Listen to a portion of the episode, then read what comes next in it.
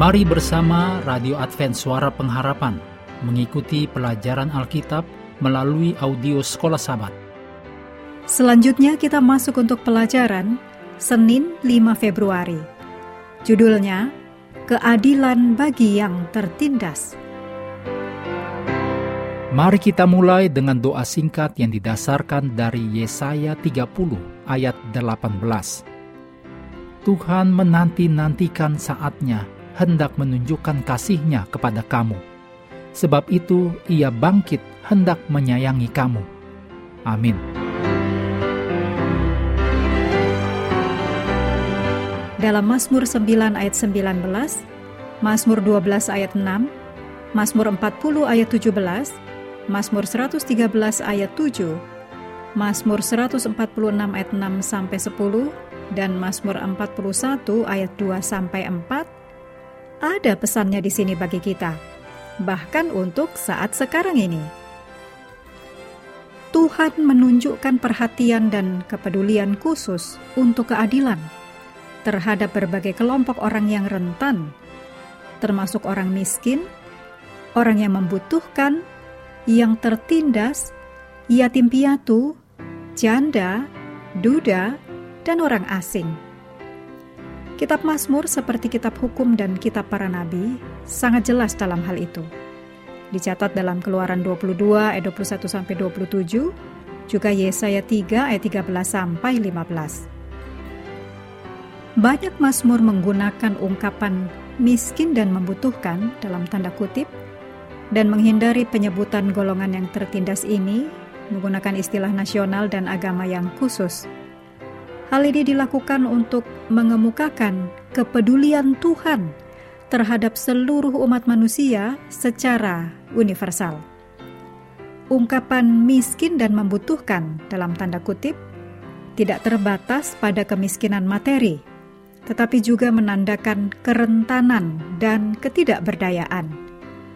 Ungkapan ini memohon belas kasihan Tuhan dan menyampaikan bahwa si penderita sendirian dan tidak memiliki pertolongan selain Tuhan. Penggambaran miskin dan membutuhkan dalam tanda kutip juga berkaitan dengan ketulusan, kejujuran, dan kasih seseorang kepada Tuhan dalam mengakui ketergantungannya secara total kepada Tuhan dan meninggalkan segala bentuk kemandirian dan penonjolan diri. Sementara itu, merawat yang kekurangan dalam Mazmur 41 ayat 2 sampai 4 menunjukkan kesetiaan umat kepada Allah. Kejahatan yang dilakukan terhadap yang rentan adalah dosa yang sangat keji dalam budaya Alkitabiah dicatat dalam ulangan 15 ayat 7 sampai 11. Kitab Mazmur menginspirasi orang-orang yang setia untuk bersuara melawan setiap penindasan. Kitab Mazmur juga menggarisbawahi kesia-siaan dalam mendasarkan keyakinan seseorang pada sarana manusia yang fana sebagai sumber hikmat dan keamanan tertinggi.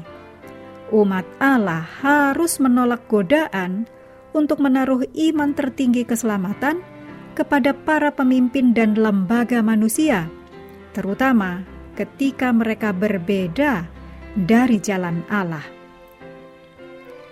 Dalam kasih karunia-Nya, Tuhan menyamakan dirinya dengan orang miskin, dengan menjelma menjadi orang miskin, sehingga melalui kemiskinannya banyak orang menjadi kaya dituliskan dalam 2 Korintus 8 ayat 9. Kekayaan Kristus termasuk pembebasan dari setiap penindasan yang dibawa oleh dosa.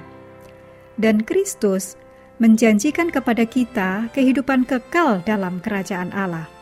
Wahyu 21 ayat 4. Yesus Kristus menggenapi janji-janji kitab Mazmur sebagai hakim ilahi yang akan menghakimi setiap perlakuan buruk terhadap orang yang kekurangan, serta yang mengabaikan kewajiban terhadap mereka.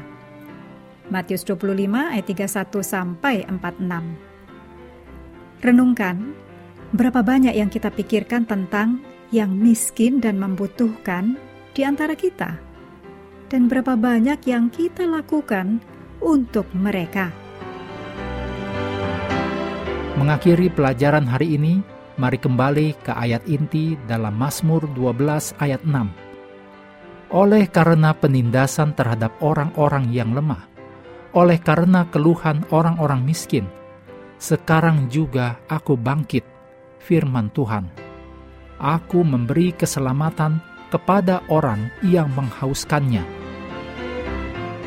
Kami terus mendorong Anda mengambil waktu bersekutu dengan Tuhan setiap hari, baik melalui renungan harian, pelajaran sekolah sahabat, juga bacaan Alkitab sedunia, percayalah kepada nabi-nabinya, yang untuk hari ini melanjutkan dari Yeremia 8. Tuhan memberkati kita semua.